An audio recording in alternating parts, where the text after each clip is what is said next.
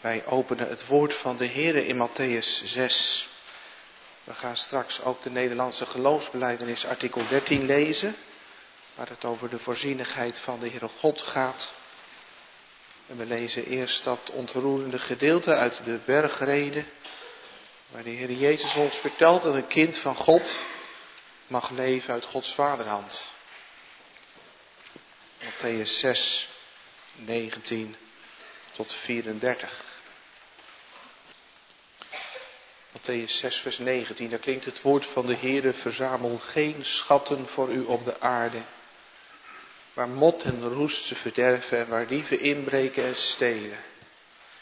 Maar verzamel schatten voor u in de hemel, waar geen mot of roest ze verderft en waar dieven niet inbreken of stelen, want waar uw schat is, daar zal ook uw hart zijn. De lamp van het lichaam is het oog. Als dan uw oog oprecht is, zal heel uw lichaam verlicht zijn. Maar als uw oog kwaadaardig is, zal heel uw lichaam duister zijn. Als het licht dat in u is duisternis is, hoe groot is dan de duisternis zelf?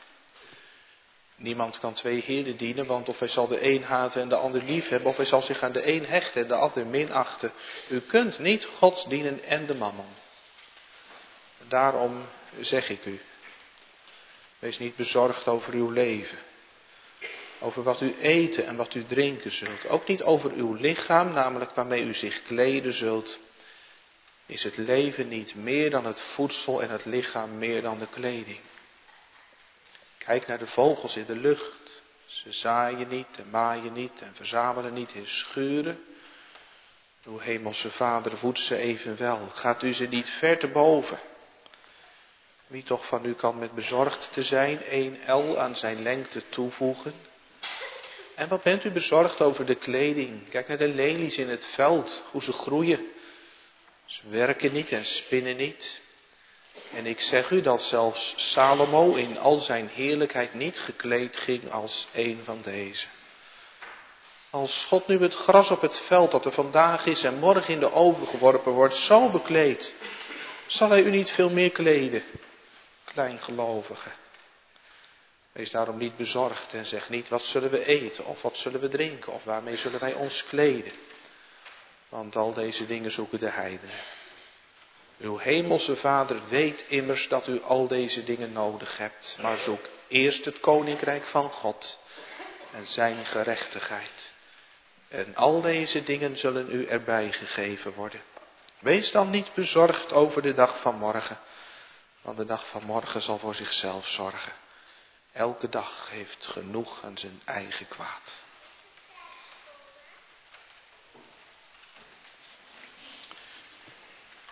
We lezen ook artikel 13 uit de Nederlandse geloofsbeleidenis.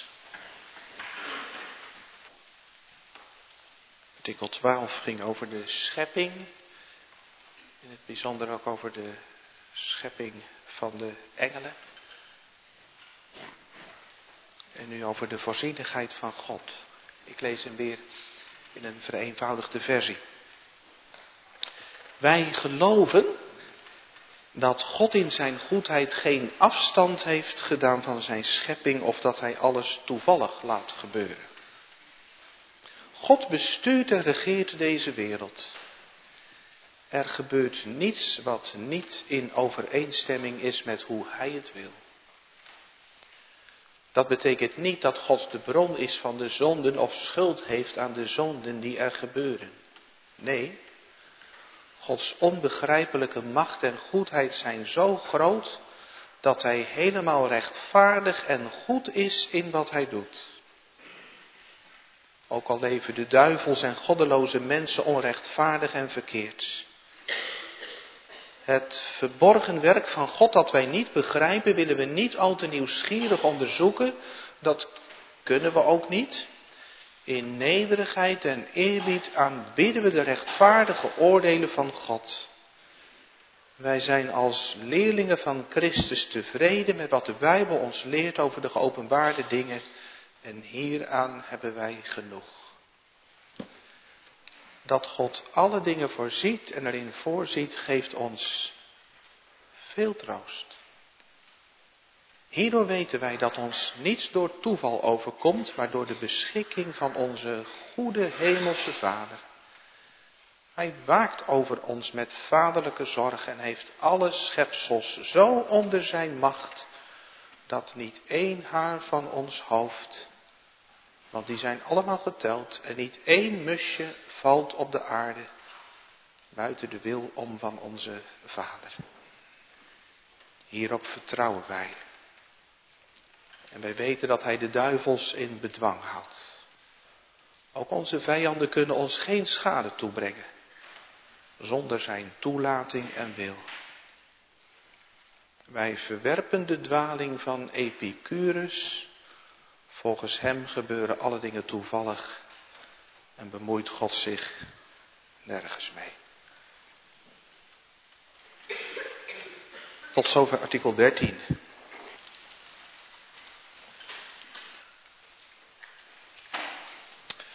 Gemeente, wie wordt de nieuwe premier van Nederland? Zou zomaar uh, Geert Wilders kunnen zijn, hè? Er dan nu al een omstreden premier. Zou u vertrouwen hebben in hem? Er zijn moslims en die zeggen, ja, als ik dan straks eh, in Marokko op vakantie ben geweest, kom ik dan nog wel Nederland weer in als ik terugkom? Want uh, Wilders is uh, tegen de islam, hij wil de Koran verbieden, islamitische scholen sluiten. Er zijn protesten geweest in Amsterdam en Utrecht na de verkiezingsoverwinning van Wilders. Iedereen mag er toch zijn, iedereen is welkom. En in Oekraïne zijn ze bezorgd, valt de steun van Nederland weg, want Wilders eh, was er niet voor dat er F-16's geleverd zouden worden. Andere mensen die zeggen, nou ja, laten we hem het voordeel van de twijfel geven. Hij is eh, milder geworden, Geert Milders. En nog weer anderen zijn uh, ronduit blij, eindelijk weer de Nederlanders op één.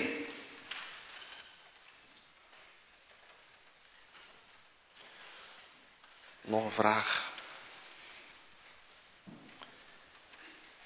Hebt u vertrouwen in de wereldregering door de Heere God? Die zo komt streden. Guido de Brun, de schrijver van de Nederlandse geloofsbelijdenis, vertrouwt de Heere voor duizend procent. U weet het, hij leeft in een tijd van enorme geloofsvervolging. In 1567 is hij in Valenciennes opgehangen. 45 jaar jong. En dan laat hij een vrouw na met vijf kinderen, van wie de oudste zes jaar is. En hij heeft verschillende brieven geschreven. Ook eentje op 19 mei 1567. Twaalf dagen voordat hij opgehangen wordt. Hij weet dat hij niet meer lang zal leven. En dan schrijft hij een brief aan zijn uh, moeder. Om zijn moeder te troosten. Ik lees een stukje eruit voor. Mijn lieve moeder. Ik bid u, wees vol goede moed in uw verdriet. En draag deze beproeving die u door God gezonden wordt met geduld en met blijdschap vanuit de wetenschap dat dit Gods welbehagen is. Daartegen moeten we ons niet verzetten als dat al zou kunnen. Leef in ontzag voor God en blijf aan mij denken dat ik steeds mijn God gediend heb tot in de dood. Ik beveel mijn arme vrouw en mijn kindertjes die hun vader in hun vroegste jeugd verliezen aan in uw voorbeden. Ik bid de Heere mijn God uit de grond van mijn hart dat Hij hun van hun jeugd af zijn heilige geest wil schenken en in ontzag voor hen, voor Hem zal laten wandelen gedurende heel hun leven. Ik vraag hem zonder ophouden om die zegen dat Hij zich de man van mijn arme weduwe zal betonen. Dat Hij haar zal zegenen en haar genadig zal zijn tot in eeuwigheid. Vaarwel, mijn moeder, mijn lieve moeder, vaarwel. De Heere trooste u in uw beproeving.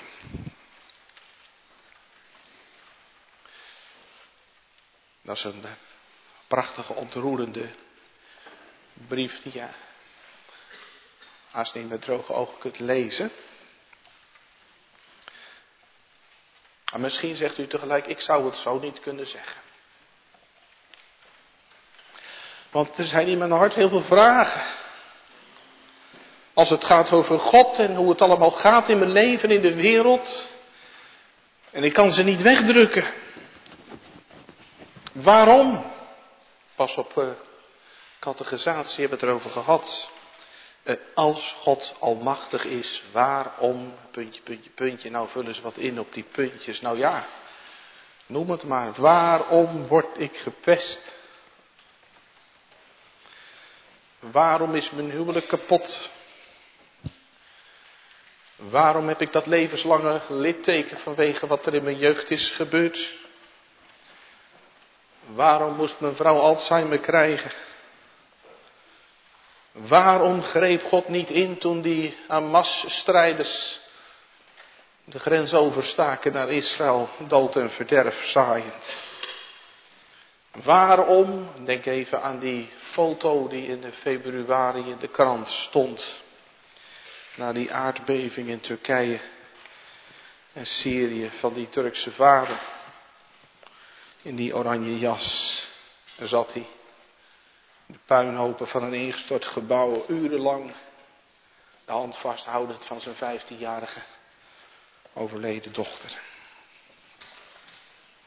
Waarom?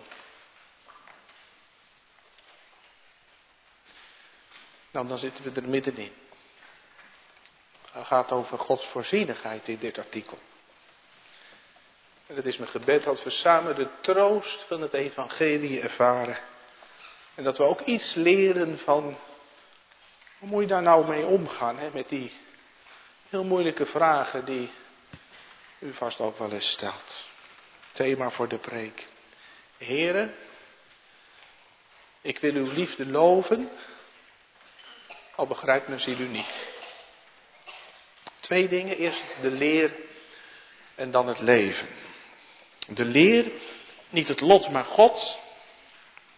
En het leven, niet triest, maar troost.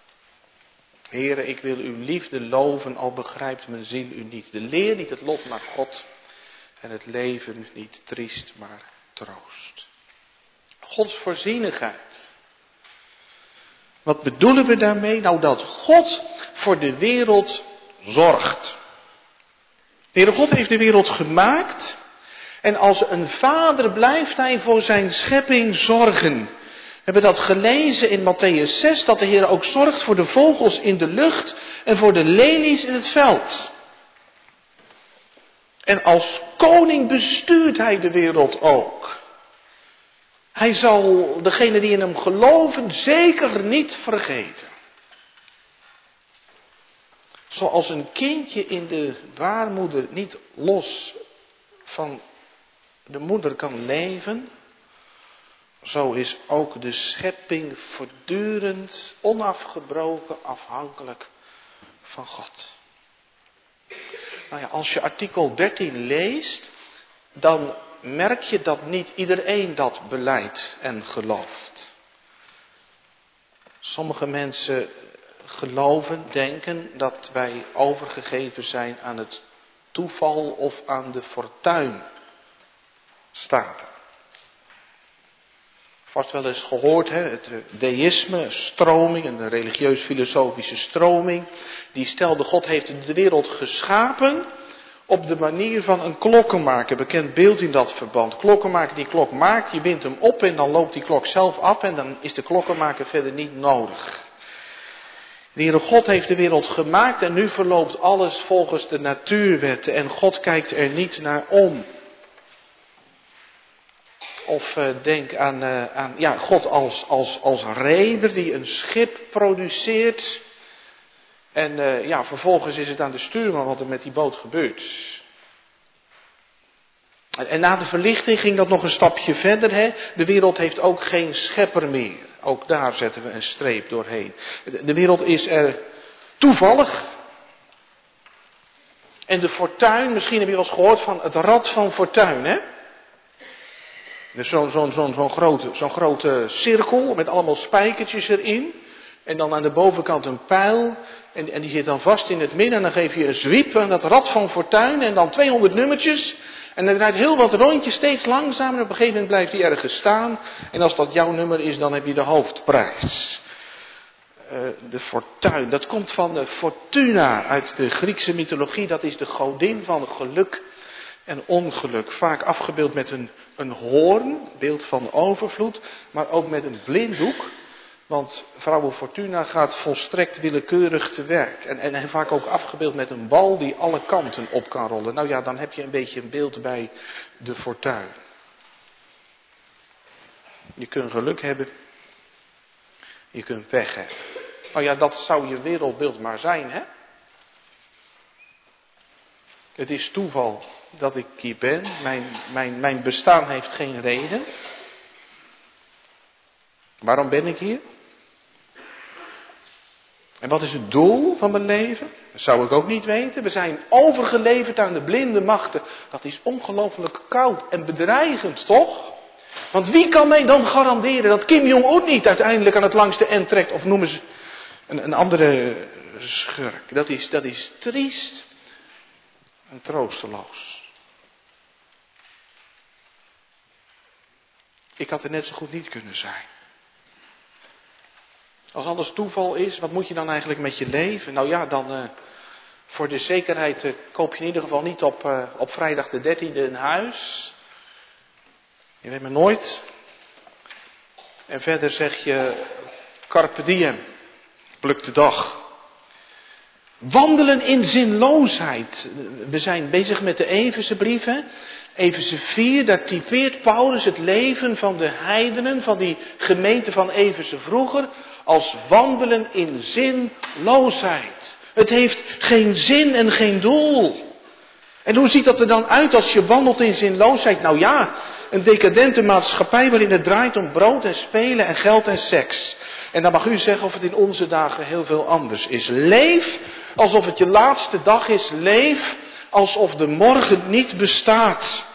Paulus zegt in Efeze 4, hoe gaat dat bij die heidenen? Nou ja, je geeft je over aan losbandigheid, om alle onreinheid begeerig te bedrijven, spuiten en slikken, of op een wat minder platvloerse manier graaien, bonussen graaien. Een leven waarin je gaat om voor, geld maken, luxe, comfort, er, eruit halen wat erin zit, op wat voor manier dan ook. Nou ja, dat is toch niet jouw leven?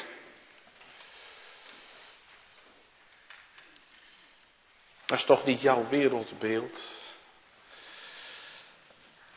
Dan merk je dat je in artikel 13 in heel ander vaarwater zit, toch? God stuurt en regeert alles overeenkomstig zijn heilige wil. Ik mag leven uit zijn hand. Denk aan wat Job zegt. Job zegt niet, ik heb heel veel mazzel gehad en daarom ben ik zo rijk. Maar hij zegt, de Heere heeft gegeven. En Job zegt ook niet, toen kwam die ene dag en toen had ik ongelofelijke pech. En toen was ik alles kwijt. Nee, de Heere heeft genomen. Leven uit zijn hand. Misschien dat u in uw leven ook van die momenten hebt dat je vol verwondering terugkijkt op de weg die je bent gegaan. En dat je zegt, ja, de hand van de Heer. Ik ben toen en toen op een bijzondere manier doorgeholpen. Misschien wel eh, toen je in de financiële zorgen zat. Of, of, of kleine dingetjes die gebeuren kunnen in je leven. Die toevallige ontmoeting. Dat gesprek wat je toen had. En je dacht, nou, bijzonder zeg. Dat, dat ik nou jou hier moet tegenkomen. Of, of, of die ene preek. Waarin je merkte, is van mij. Of dat dagboekstukje wat je las. Precies op maat. De Heer Jezus vraagt op een keer aan zijn discipelen, uh, heeft het u aan iets ontbroken toen ik u uitzond zonder beurs, zonder reiszak en zonder sandalen? En dan zeggen de discipelen, verwonderd, aan niets. Helemaal niets tekort gekomen, Gods leiding. Maar Gods, Gods, Gods regering, Gods leiding gaat niet alleen over de mooie dingen, maar ook over de moeilijke dingen. En dan merk je in de Bijbel, zijn plan sluit niet altijd aan bij mijn plan. Je kent Jozef en jongens en meisjes. De Heere God had een plan met Jozef. Wat moest er met Jozef gebeuren? Hij moest op de troon komen in Egypte. Want er kwam hongersnood en door Jozef wilde God een groot volk in leven houden. Maar voordat het zover was, dat moest Jozef ongelooflijk veel meemaken, zeg. Die vervelende broers van hem, die hem uitschelden. Die hem in de put gooien. Je zou zulke gemene broers hebben die je in de put gooien. En die je verkopen. Dan hebben ze tenminste nog iets aan je. En dan ook nog eens een keer in Egypte komt Jozef onschuldig in de gevangenis terecht. Nou ja, je zou Jozef maar zijn. Of jouw leven zou ook maar zo van het ene in het andere ongeluk rollen. Dan loop je vanzelf tegen een muur van vragen aan, toch? Misschien herkent u dat op dit moment. Die vragen die branden op je tong. Wil God het kwaad? En als God almachtig is, waarom voorkomt hij dan die narigheid niet? Nou ja, de Nederlandse geloofsbeleid zegt een paar dingen. Dit artikel maakt duidelijk, wij kunnen God niet in alles begrijpen. Vraag je misschien wel eens thuis aan papa, waarom doet u dat? En dan heeft je vader vast wel een keer gezegd, nou, dat vertel ik je nog wel een keer. En daar ben je nu nog te klein voor. Zoiets. Heere God doet wel eens iets. En ik vraag waarom. Begrijp je nu nog niet. Dat komt nog wel een keer. Wat ons verstand te boven gaat, dat willen we niet, niet curieuselijk onderzoeken. Nieuwsgierig. Dat betekent trouwens niet dat je geen vragen mag stellen. Moet je juist wel doen. In de kerk mag je alles vragen. Ik vond het zelf heel, heel mooi om te ontdekken bij het voorbereiden van de preek dat dat woord curieuselijk, um, um, er werd een linkje gelegd naar het woord uh, curiositas.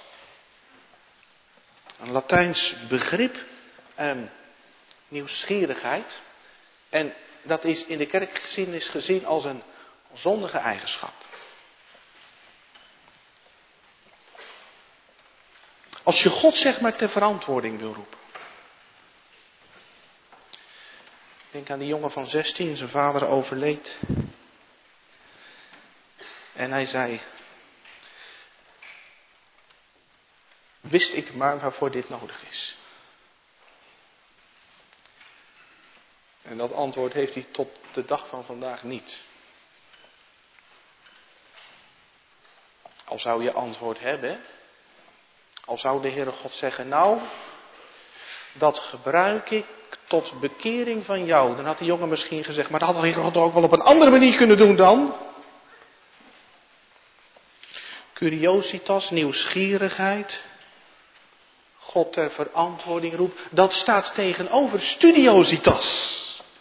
Dan hoor je het woord studie in, studeren, bidden, zoeken in de schrift omdat je Gods liefde wil loven terwijl je zielen misschien niet begrijpt.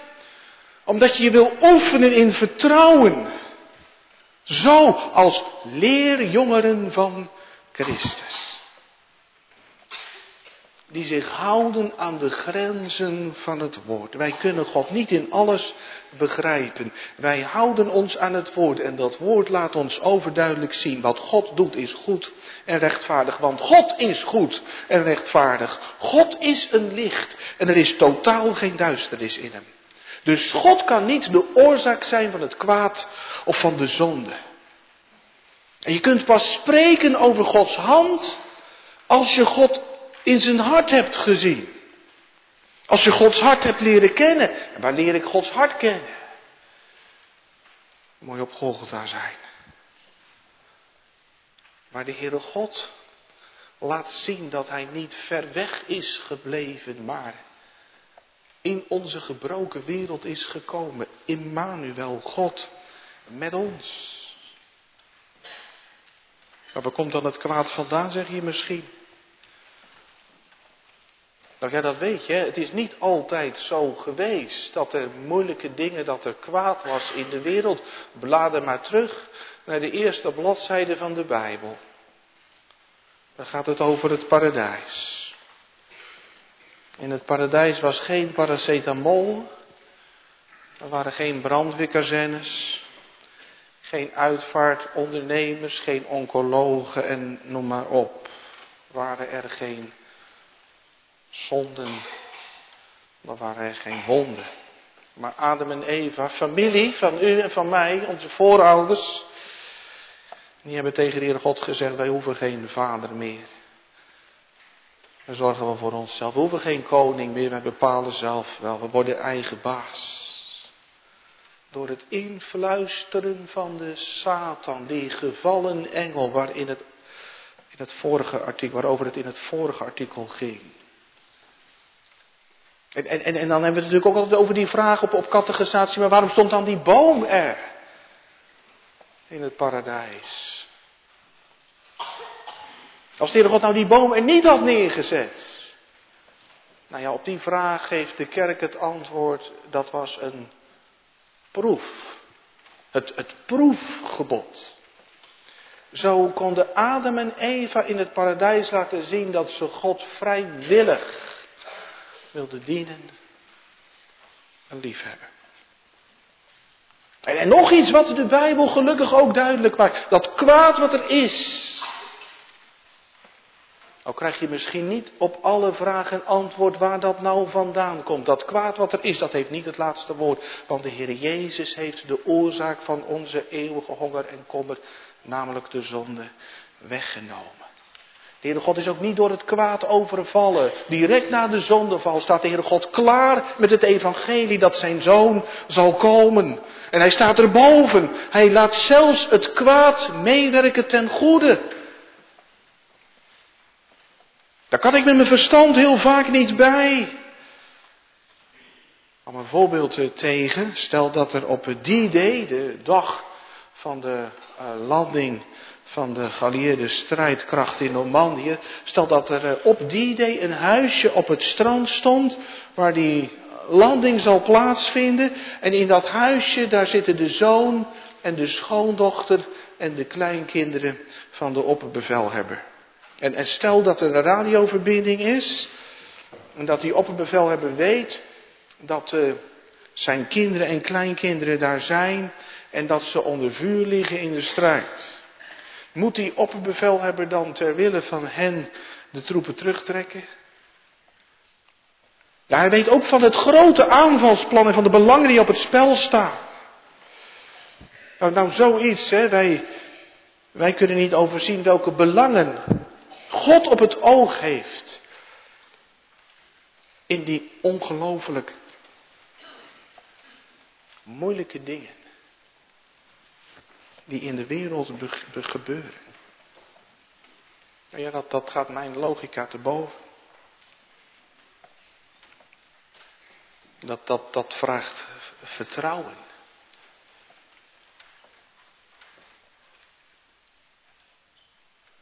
In de kerk wordt daar het woord uh, toelating voor gebruikt. Hè? Toelating.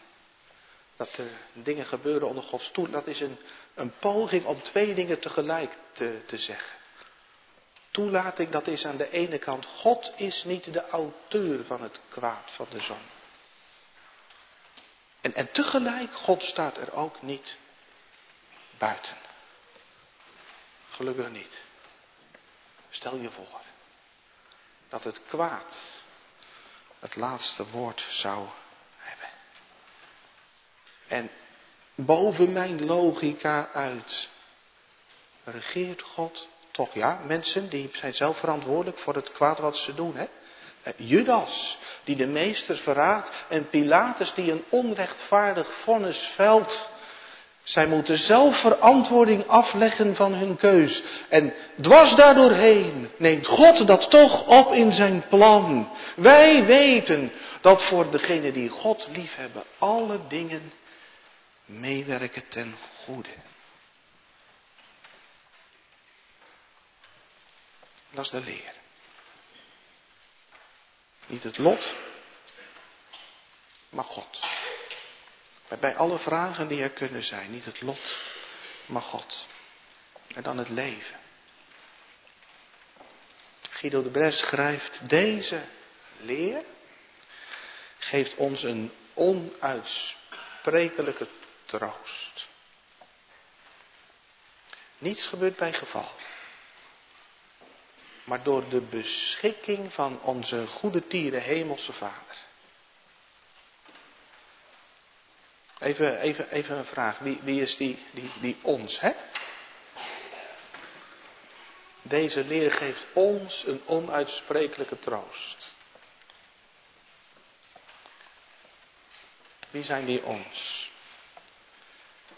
Nou ja, de, de kinderen van die hemelse vader. Bent u een kind van God? Ze hebben die troost niet.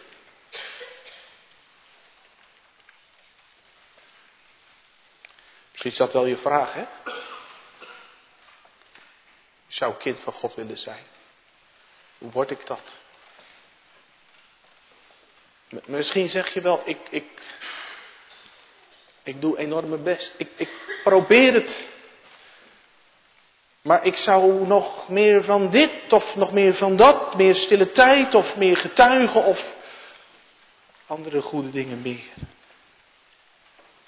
Maar je kunt je niet opwerken tot kind van God. Maar kind van God ben ik door het geloof. Zoveel hem aangenomen hebben, die heeft hij macht gegeven kinderen van God te worden, namelijk degene die in zijn naam geloven. Het geloof in de Heer Jezus Christus, het volmaakte kind van God, in mijn leven overkomt doen. Hij komt op aarde om me te laten zien hoe ver ik bij God vandaan leef. Dat ik lijk op die verloren zoon, die overal zijn geluk gaat beproeven en het nergens vindt. En die dan tot inkeer komt en terug gaat naar de Vader met de beleidenis, ik ben het niet waard om uw kind te heten. Vader, ik heb gezondigd. En die tot zijn verrassing dan in de wijd uitgebreide armen van zijn vader loopt. Dat evangelie. Dat smelt koude harten om. Leeft u daarvan? Leef jij daarvan? Is, is dat het waarvan je zegt, dat is nou de dragende grond onder mijn leven. Dat evangelie van de barmhartigheid van God. Voor mensen zoals ik. Of ja, misschien dat je wel zo leeft, hè.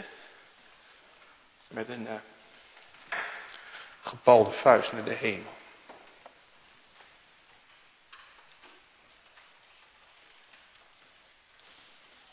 Waarom maakt God niet een eind aan alle kwaad? Er zijn mensen die dat zeggen, hè? God, uh, als God er zou zijn. Ja, ik geloof het niet. Kijk maar in het nieuws, kijk maar om je heen. De wereld is vol ellende. Hadden we het ook over op categorisatie. Waarom maakt God niet een eind aan alle kwaad?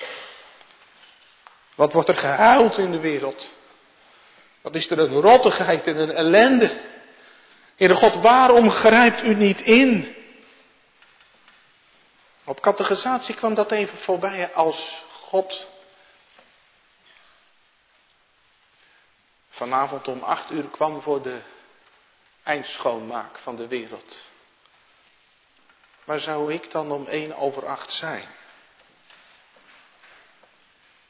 Want, want kwaad, hè, ja, dat is moord en verkrachting en, en noem maar op. Maar kwaad zit ook hier en, en, en bij u van binnen. Als je niet de waarheid vertelt. Als God de tweede plaats heeft in je leven. Omdat je dat ene niet wilt loslaten. Als je aan Gods liefde voorbij leeft.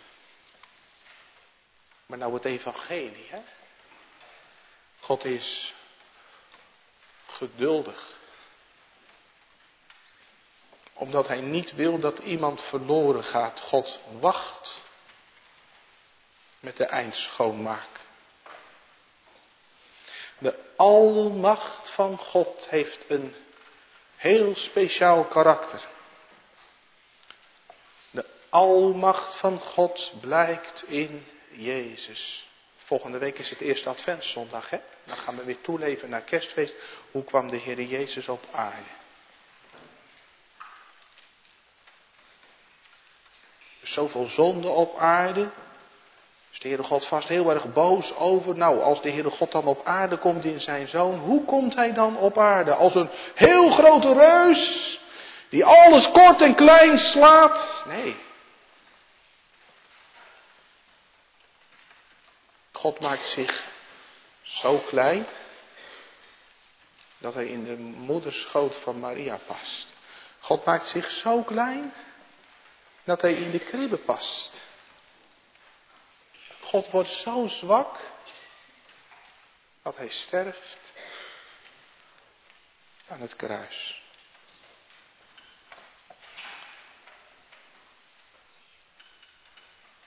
En daar blijkt zijn macht. Zo verbreekt God zondaars Door die macht van zijn liefde.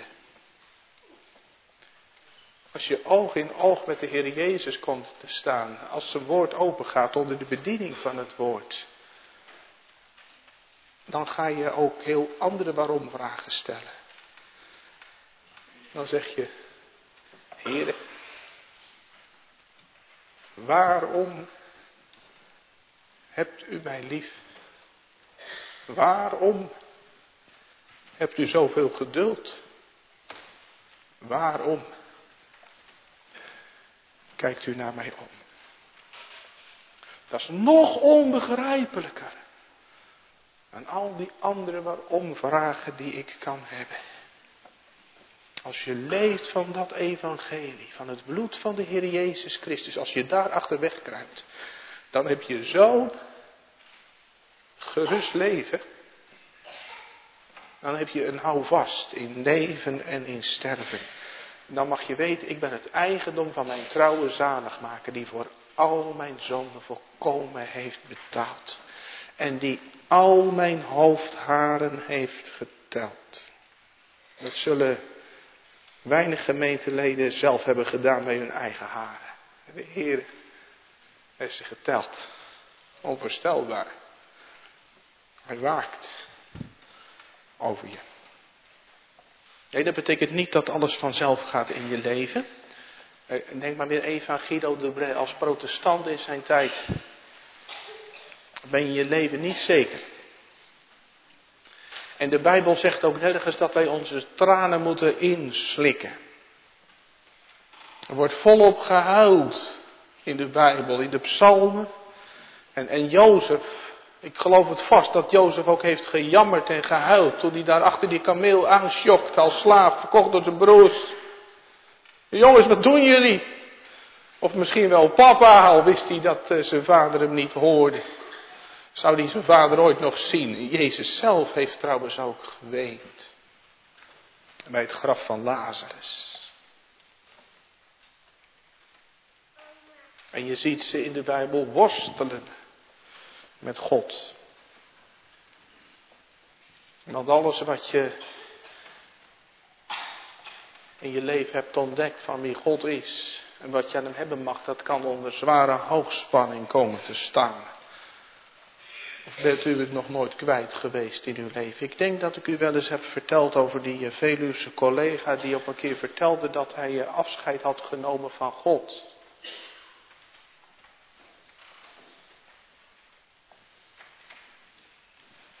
Door eh, wat hij meemaakte in het ambtelijk werk. Overleed een jongen van tien jaar, kreeg een hersenbloeding op school, naar het ziekenhuis gebracht, maar het hielp niet. En het verdriet en de wanhoop van zijn ouders. Dat hakte erin. En drie maanden later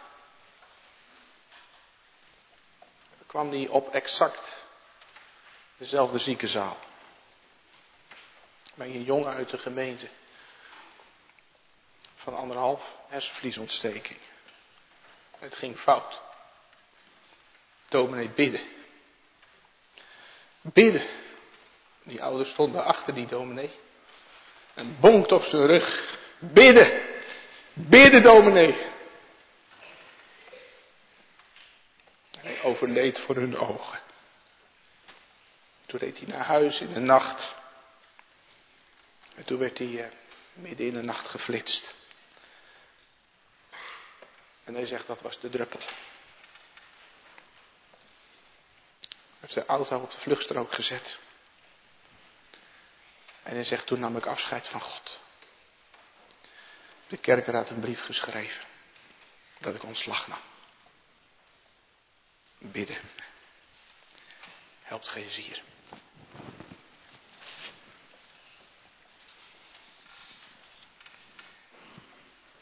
Kunt u dat meemaken?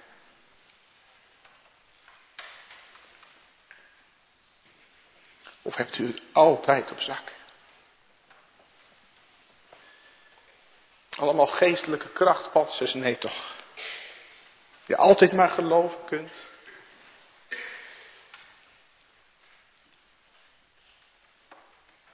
In de Bijbel kom je ze ook tegen. Mensen die het niet meer weten. Asaf, we op Psalm 77, 73 is ook van hem. Hij is nijdig. Omdat hij de voorspoed ziet van de goddeloos. En hij zegt, ik leef voor God. Maar wat maakt het uit? Het gaat hem voor de wind, die buurman van mij die aan God nog op doet. En ik, totdat ik Gods heiligdom binnenging en op hun einde lette. Totdat ik mijn leven weer leerde leggen, God mijn leven legde in zijn perspectief. Want wij kijken vaak maar tot de volgende bocht, hè? Wij overzien vaak helemaal niet waar God mee bezig is. Ik heb een keer iemand horen zeggen, uh, even als voorbeeld daarbij, uh, voetbal is een zinloos spel. Want wat is voetbal? Nou ja, je rent achter de bal aan en als je bij de bal bent, dan geef je me een schop en dan ben je kwijt. Nou ja, als je het zo zegt, dan lijkt het inderdaad nogal zinloos. Maar als je weet wat uh, de spelregels zijn van een voetbalwedstrijd, dan ga je heel anders naar zo'n wedstrijd kijken. Uh, samen spelen om de bal in de goal van de tegenstander te krijgen. En dan ga je ineens wat ontdekken. Dan zie je niet alleen maar mensen die aan de bal toe rennen en dan schop geven en weer kwijt zijn. Maar, maar dan, dan, dan zie je wat er, wat, er, wat er gebeurt. Nou, zo ook in hoe God de dingen leidt. Wat is nou het doel van hoe God regeert? Wat is Gods doel in de manier waarop Hij mensenlevens leidt? Heel veel mensen denken, de Heere God moet mij gelukkig maken. De Heere God, die, die moet eigenlijk zijn als een soort Sinterklaas. En, en dat past helemaal in onze cultuur. Als je voor 23 uur 59 iets bestelt, dan heb je het morgen in huis. Een beetje op die manier. Eh, God moet het voor mij comfortabel maken, maar God wil meer dan mijn geluk.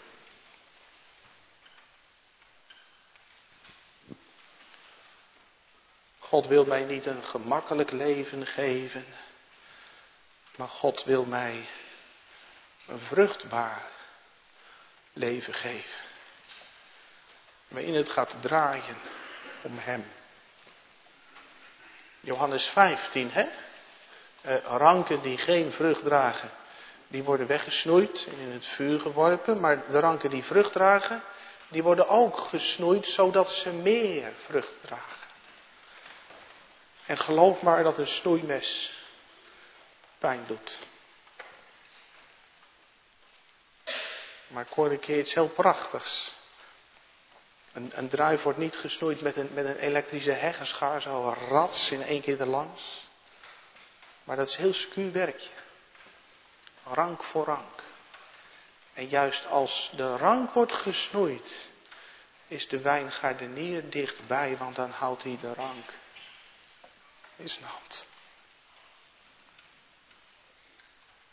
Dat is troostvol. Zo is God. Dat is geloven dwars tegen alles in. Het lijden stelt ons voor die vraag, durf ik te geloven? Durf ik te vertrouwen op een God die ik niet begrijp? Dan wil de Heer ons brengen. Week na week zijn hart voor ons open te doen. Al snap ik God niet, ik vertrouw hem wel. In het kwade wat gebeurt ben ik niet speelbal van het lot, maar in de handen van mijn God en mijn Vader. Die het kwaad zelfs ten goede kan keren. En dat koninkrijk van God, het komt niet zonder slag of stoot, maar het komt wel. Zo waar Jezus is gestorven en opgestaan. Gaat vaak op de manier zoals een uh, tunnel in de bergen wordt aangelegd. Er wordt gehakt. Explosies. Een weg door het donker. Maar de opdrachtgever weet waar het naartoe gaat, naar het licht aan de overkant. Zo wordt er soms gehakt en gaat het er explosief aan toe. En tast ik in het donker. Maar God weet waar het heen gaat. Naar het licht. Het nieuw Jeruzalem. Waar God alle tranen van de ogen afwist. De dood er niet meer is. Ook geen rouw. En geen moeite. Door een nacht. Hoe zwart, hoe dicht. Voert hij mij. In het eeuwig licht. Amen.